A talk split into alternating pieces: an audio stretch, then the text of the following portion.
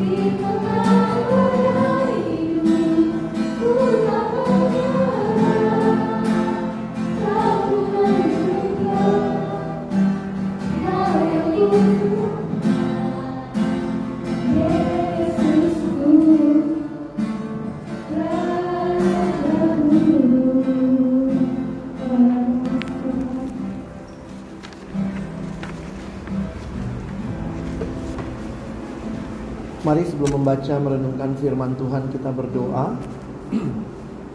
Bapa di dalam surga, kami bersyukur untuk kesempatan siang hari ini kembali belajar kebenaran firman-Mu. Mari Tuhan Engkau yang buka hati kami ketika kami membuka firman-Mu, jadikanlah hati kami seperti tanah yang baik supaya ketika benih firman Tuhan ditaburkan boleh sungguh-sungguh berakar, bertumbuh dan juga berbuah nyata di dalam hidup kami. Berkati hambamu yang menyampaikan dan setiap kami yang mendengarkan, Tuhan tolonglah kami semua agar kami bukan hanya jadi pendengar-pendengar firman yang setia, tapi mampukan dengan kuasa dari rohmu yang kudus, kami dimampukan menjadi pelaku-pelaku firman-Mu di dalam hidup kami, di dalam masa muda kami. Bersabdalah ya Tuhan kami umatmu sedia mendengarnya. Dalam satu nama yang kudus, nama yang berkuasa, nama Tuhan kami Yesus Kristus. Kami menyerahkan pemberitaan firman Amin. Shalom. Selamat siang teman-teman sekalian. Kita hari ini akan belajar satu bagian firman untuk boleh merenungkan tema yang diberikan spending time with God. Ya, jadi kita mau sama-sama boleh punya waktu-waktu yang berkualitas untuk boleh berelasi dengan Tuhan. Nah, saya ingin mengajak kita membuka satu ayat yang terkenal Yohanes pasal yang ke-15. Abang pingin kita belajar dasarnya dulu supaya kita tahu mengapa kita butuh waktu dengan Tuhan. Yohanes 15 kita baca ayat 1 sampai dengan ayat yang ke-8. Ya. Sama-sama kita lihat Yohanes 15 ayat 1 sampai ayat yang ke-8. Mari kita akan membaca bergantian. Saya baca ayat 1, kalian baca ayat 2. Kita gantian ayat 8 ya. Judulnya pokok anggur yang benar. Akulah pokok anggur dan Bapakkulah pengusahanya.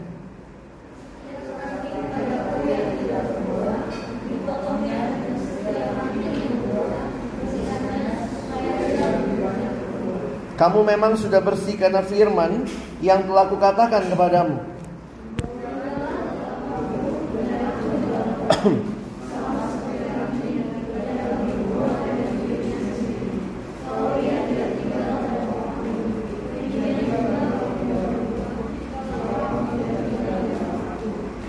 Akulah pokok anggur dan kamulah ranting-rantingnya.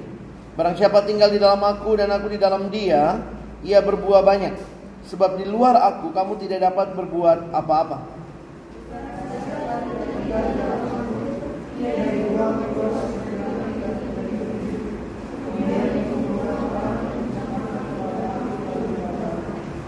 Jikalau kamu tinggal di dalam aku dan firmanku tinggal di dalam kamu, mintalah apa saja yang kamu kehendaki dan kamu akan menerimanya.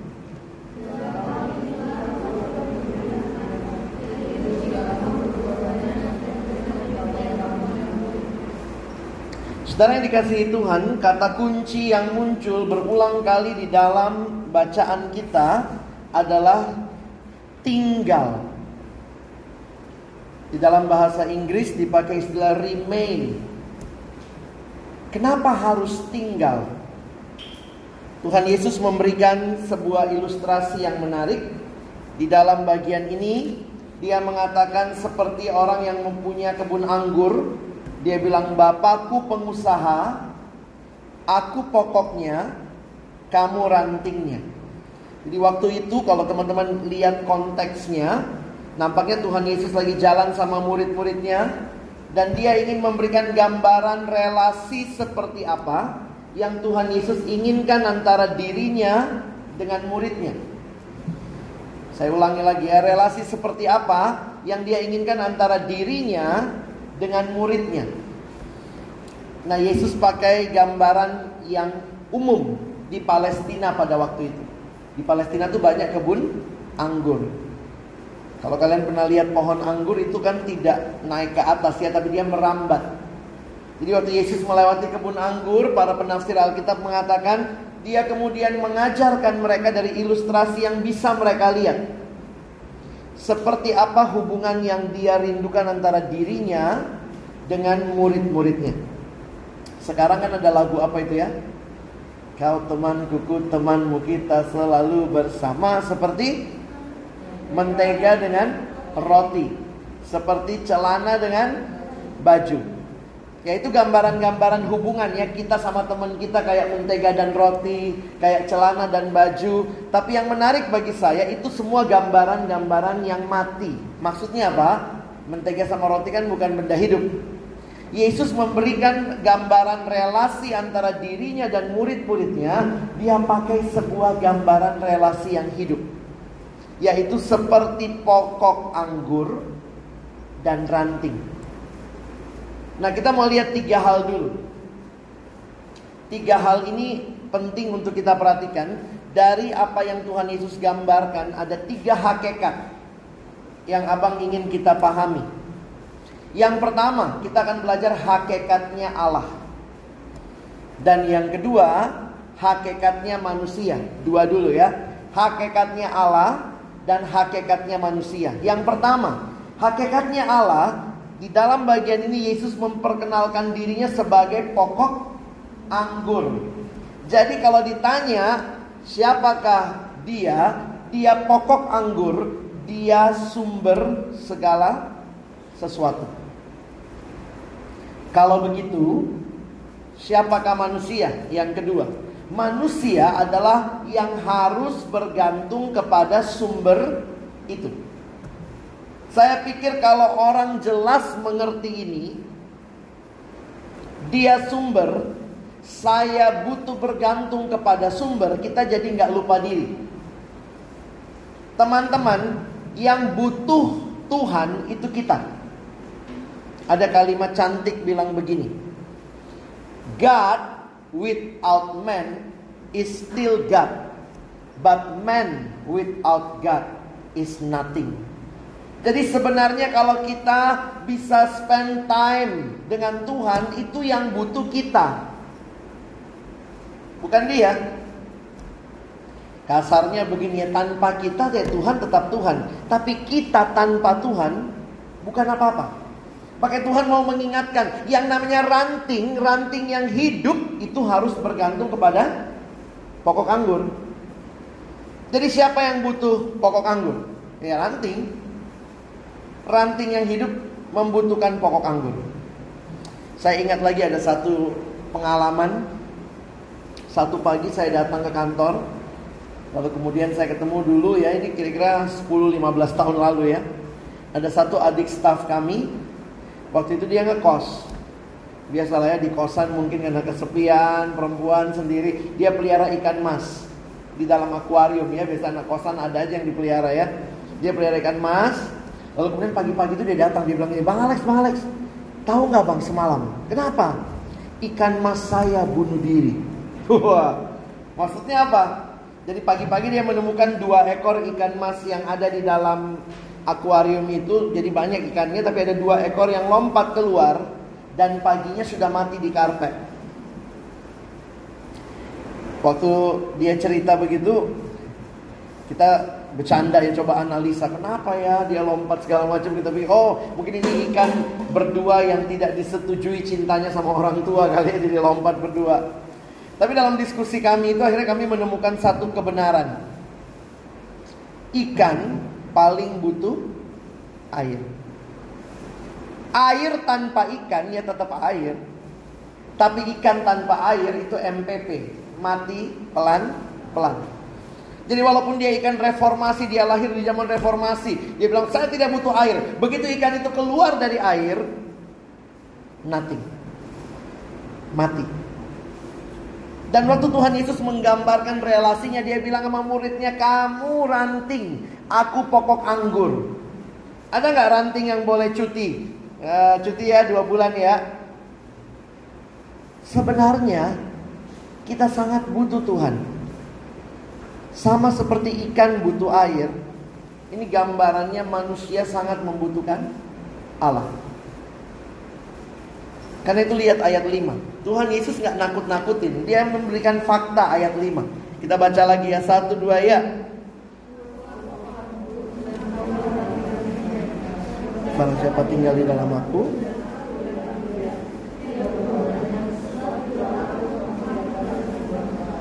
Saya lama mikir kalimat itu ya. Di luar aku, kamu tidak dapat berbuat apa-apa. Bahasa Inggris menggunakan istilah um, di luar aku you can do nothing. Kamu nggak bisa apa-apa. Kalau kita merasa saya bisa tanpa Tuhan, sebenarnya pada saat itu pun kita sebenarnya menyak, tanpa sadar merasa diri kita seperti ranting yang tidak butuh pokok anggur. Jadi kalau kita bicara spending time with God, teman-teman mesti ingat, bukan Tuhan yang butuh kita kita yang butuh dia. Man without God is nothing. God without man is still God. Nah itu satu realita yang kita harus ingat baik-baik. Saya kasih satu contoh lagi ya. Kalau kalian lihat stop kontak tuh, colokan. Lalu mungkin lihat kipas angin ya. Yang mana yang bergantung ke yang mana? Mana yang sumber, mana yang harus bergantung sama sumber? Colokan itu sumbernya. Itu harus bergantung pada sumber. Jadi sebagus apa pun kipas angin lengkap baling-balingnya, kalau nggak kecolok nggak ada guna. Kalau panas kita yang muter, gitu ya. Itu membuat kita menyadari sebagus apa pun hidupmu, sebagus apa pun talentamu, tapi kalau engkau tidak punya relasi dengan Tuhan, saya pikir itu warning besar buat kita. Karena itu kenapa dalam pelayanan kita selalu ditekankan punya relasi dengan Tuhan, punya relasi dengan Tuhan, spend time with Him. Dan ini bukan nostalgia. Saya kadang kalau ketemu alumni gitu ya, Ya salah kalau udah ketemu alumni mereka bilang, iya bang saya udah lumayan sukses nih, udah berhasil ini, berhasil itu, berhasil ini. Pernah satu alumni lihat saya jalan kaki karena saya lagi mau ambil angkot gitu ya. Dia lewat sama mobilnya terus dia lihat saya, bang Alex, Alex naik naik. Saya dipaksa masuk mobilnya, saya bilang saya deket kok di depan, udah naik aja bang. Daripada teriak-teriakan di jalan gitu ya, saya naiklah mobilnya, Ya saya mungkin dia bangga gitu ya. Abangnya naik mobil Saya duduk di samping dia Terus dia mulai cerita lah. Saya tanya gimana usahamu? Oh saya usahanya begini berkembang segala macam. Ya inilah bang hasilnya. Saya bisa punya mobil dan ini semua. Semua dia cerita gitu ya. Dan ini dulu orang yang melayani di kampus. Tiba-tiba kemudian saya tanya Sekarang pelayananmu apa? Pelayananmu di mana? Tiba-tiba di mobil tiba-tiba terjadi hening cipta. Ya dia mau bilang bahwa dia sibuk sekali sama kerjaannya jadi udah nggak punya pelayanan lagi. Coba oke okay lah.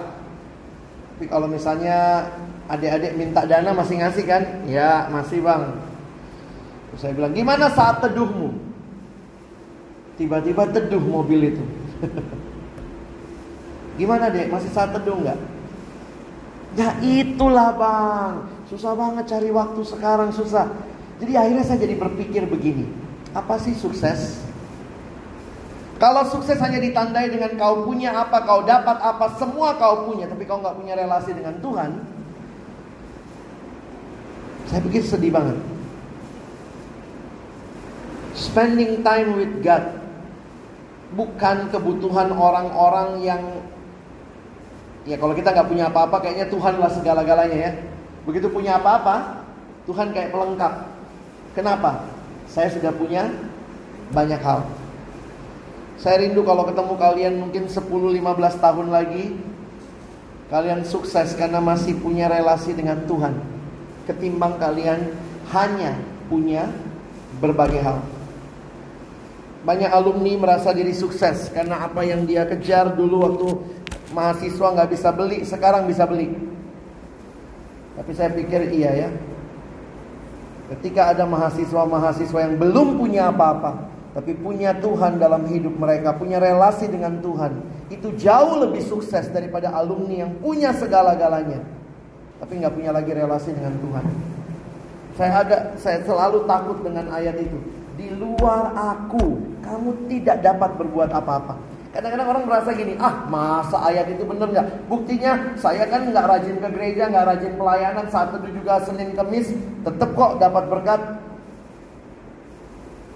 Saya pikir hati-hati, berkat dalam hidup itu bisa punya dua kemungkinan. Bikin kita lebih cinta sama sang pemberi berkat, tapi di sisi yang lain, berkat itu juga bisa bikin kita lupa sama yang memberi berkat. Kita pikir kitalah pemilik segalanya. Jadi harusnya kalau kita banyak berkat dari Tuhan, ingat berkat itu selalu mengingatkan kita butuh Tuhan. Memang sering kali manusia begitu ya, lebih cinta berkatnya daripada sang pemberi berkat. Makanya ada kalimat bilang begini, apa saingan ter, apa salah satu saingan terberatnya Tuhan? Dalam hidup.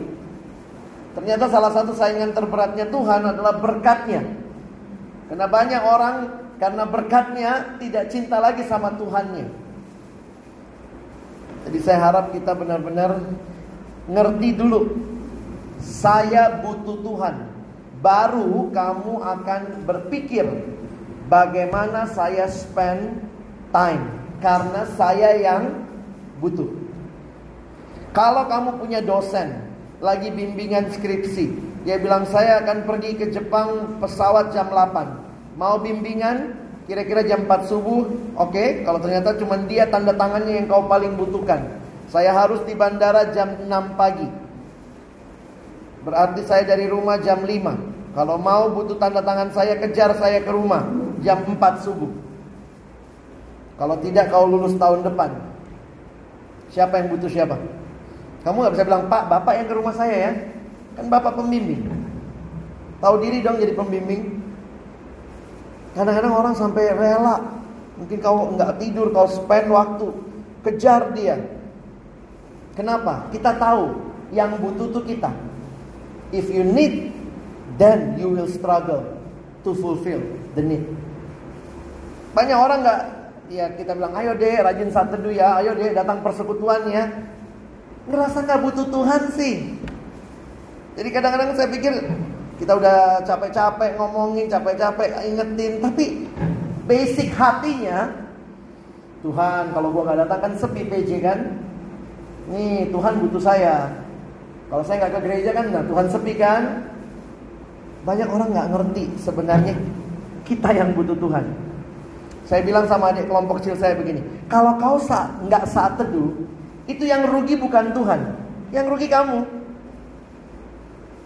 Jangan terlalu sombong jadi manusia. Kita butuh Tuhan. Kita cuma ranting dia pokok anggur. Nah, sekarang pertanyaan berikutnya kan ini dua hakikat ya, hakikat Allah dia sumber segala sesuatu, hakikat manusia harus bergantung kepada sumber. Nah, sekarang kita lihat bagaimana caranya supaya dari colokan itu bisa mengalir arus ke kipas angin. Butuhnya apa? Butuhnya apa? Kabel. Jadi ini hakikat ketiga, hakikat kabel.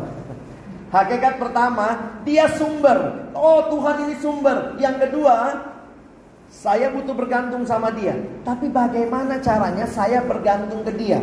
Saya butuh kabel. Kabelnya apa? Ayat 7. Coba lihat.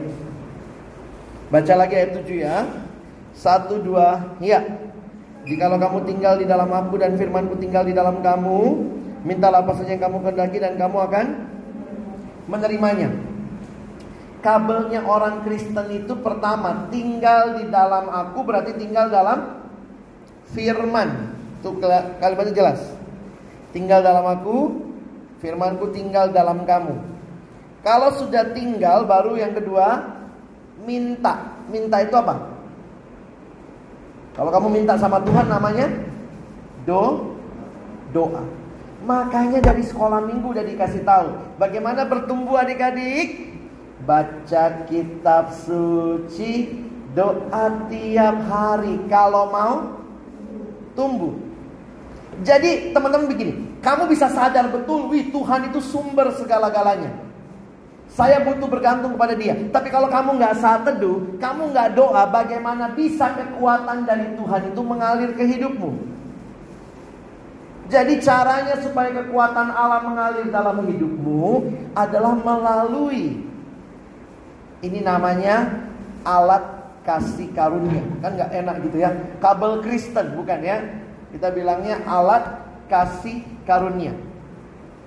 Melalui alat-alat ini atau bahasa Inggris lebih bagus ya dia pakai istilah means of grace. Melalui doa, melalui saat teduh, kekuatan Allah itu kamu alami. Jadi ada remaja pernah datang tanya sama saya, Kak Alex kalau memang Tuhan berkuasa, mana? Saya kok nggak mengalami. Saya bilang, kau baca Alkitab enggak dek? Enggak. Kau doa enggak? Enggak. Pantas nggak ngalamin. Dosen itu sumber ilmu. Mahasiswa butuh ilmu. Apa alat kasih karunianya? Kuliah. Kuliah kamu. Oh saya nggak mau kuliah. Kalau memang dosen itu sumber ilmu, gimana caranya saya langsung dapat ilmunya? Itulah orang-orang goblok ya. Gimana caranya bang? Nggak usah dibaca Alkitab ini, tapi saya ngerti. Direbus, minum airnya. Mau gimana kamu hidup? Allah sumber kamu bergantung, tapi jangan mempermainkan Allah. Kalau kau sungguh Allah, saya langsung ngerti. Tuhan bilang kau mau baca nggak firmanku? Di situ aku kasih kekuatan. Di situ aku, aku kasih penghiburan. Di situ aku kasih ketenangan. Makanya kalau ada orang selalu bilang gitu ya. Saya karena banyak layani anak SMA ya. Pertanyaannya selalu begitu. Bang Tuhan mau apa sih buat hidupku? Saya bilang oke. Okay, kalau mau cari tahu kehendak Tuhan, kamu baca Alkitab nggak? Ya enggak. Lah terus tahu mau tahu bagaimana? Dia sumber. Saya butuh dia, tapi saya nggak pernah membaca, merenungkan, tidak punya relasi dengan dia. Kamu tahu dosen sumber ilmu, kamu butuh ilmunya, kamu mahasiswa nggak pernah mau ikut kuliah. Atau datang kuliah nggak pernah mau nyatet. Atau datang kuliah nggak pernah nyatet, nggak pernah dengerin. Nah ini banyak nih. Banyak orang Kristen rajin gereja, tapi nggak denger dengeran sama Tuhan. Waktu firman diberitakan, main HP, main game, Waktu doa tidur. Saya pikir memang jadi wajar lah ya kalau hidup Kristen kita biasa-biasa aja. Kenapa? Karena kita nggak pernah menyadari alat kasih karunia itu yang menolong kekuatan yang dari Tuhan itu mengalir dalam hidup kita. Sejak saya mengerti konsep ini, saat teduh itu bukan lagi sebuah kewajiban, tapi mengertinya sebagai sebuah kebu kebutuhan. Setiap saya hari setiap hari saya bisa datang sama Tuhan, itu kebutuhanku. Sehingga itu jadi sukacita. Kadang-kadang ada adik kelompok kecil saya dulu begini ya. Dia bilang gini, e, jadi kan kami kelompok kecil tuh pagi-pagi ya di kampus jam 8. Dulu saya kan kampusnya di Depok ya. Dia rumahnya di Priuk. Bayangkan lah ya kalau dia rumahnya di Priuk ujung Cilincing gitu ya. Kalau tahu Metro Mini 52 itu depan rumahnya 52 apa 25 itu ya jadi metro mini berhenti nah udah rumahnya paling ujung gitu jadi dia kalau ke kampus itu butuh waktu minimal 2 jam. Nah dia telat hari itu telat gitu ya ke Depok. Terus waktu kita kelompok kecil kita mulai jam 8 dia jam 9 baru datang. Waktu datang dia lari-lari aduh. Gue bilang kenapa lo? Aduh bang capek banget. Gila gue sial banget pagi ini. Tadi ngejar bus ketinggalan Waktu mau naik bus lagi hampir jatuh. Turun bus hampir jatuh lagi. Terus tiba-tiba dia ngomong gini Iya ya mungkin gara-gara gue gak satu teduh ya. Kaget saya dengerin Buat dia berarti satu teduh untuk apa ya? Untuk nolak bala. Kadang-kadang kita mikir gitu ya saat teduh itu adalah cara saya menolak bala. Saat teduh itu cara kamu menikmati kekayaan, kekuatan, ketenangan yang dari Tuhan. Yang butuh saat teduh itu kita. Jadi hati-hati kita berpikir begini, saya rajin melakukan supaya saya nggak kena bala, nggak kena bencana. Cara pikir seperti itu salah. Kita udah belajar tiga hakikat ya. Saya tutup dengan beberapa aplikasi. Hakikat Allah sumber segalanya, hakikat manusia butuh bergantung kepada sumber dan hakikat alat kasih karunia means of grace melalui firman, melalui doa. Seorang bernama Dawson Trotman, dia sebenarnya mencoba membuat sebuah ilustrasi yang lebih lengkap. Dia menggunakan namanya ilustrasi roda. Pernah lihat roda ya? Roda itu di pusatnya Jadi ternyata memang roda itu yang muter apanya?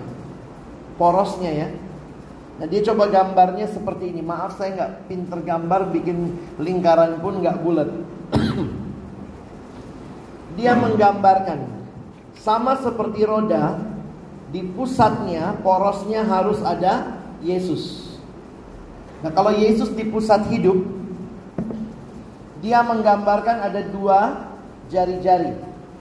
Satu jari-jari yang vertikal hubungan dengan Tuhan. Yang satu jari-jari yang horizontal hubungan dengan sesama. Jadi dia mengatakan orang Kristen yang berelasi dengan Tuhan dan sesama harusnya memiliki ini. Saya ngomong sama Tuhan namanya doa. Tuhan bicara sama saya lewat firman. Hubungan yang horizontal dengan sesama dia bagi dua. Ke dalam sesama orang percaya bersekutu. Keluar kepada mereka yang belum percaya bagian kita bersaksi. Jadi dia mengatakan seperti ini harusnya di mana Yesus tetap jadi pusat hidupnya. Makanya kalau kita pakai bahan kalau kalian pakai bahan kelompok kecilnya mungkin MHB MHB itu memenuhi hukum ini. Bab 1 hidup baru. Sudahkah Yesus di pusat hidupmu. Bab 2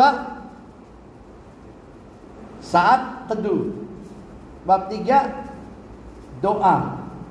Bab 4 firman. Bab 5 bersekutu. Soal gereja. Bab 6 menginjili, bersaksi.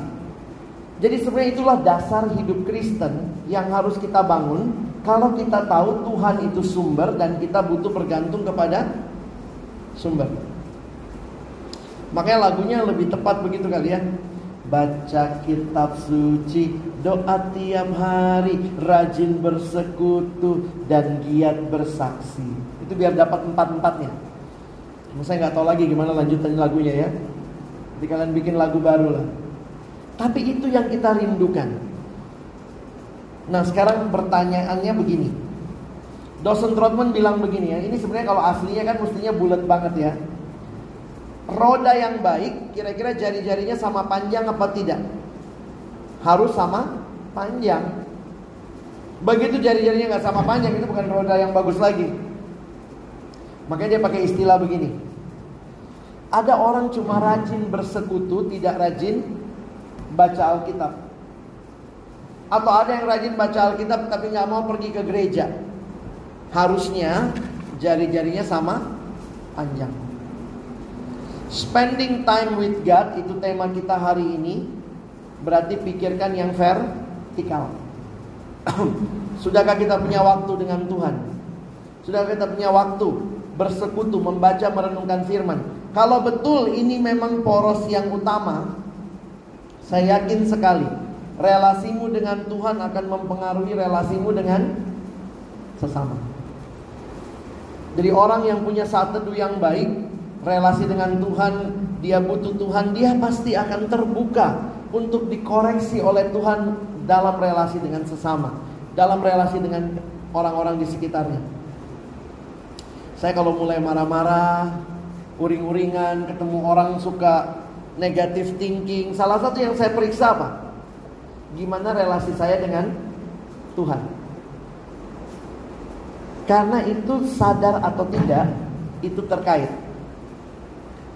Begitu kamu lesu, malas dalam pelayanan, coba cek lagi. Jangan-jangan relasi dengan Tuhanmu lagi kurang beres.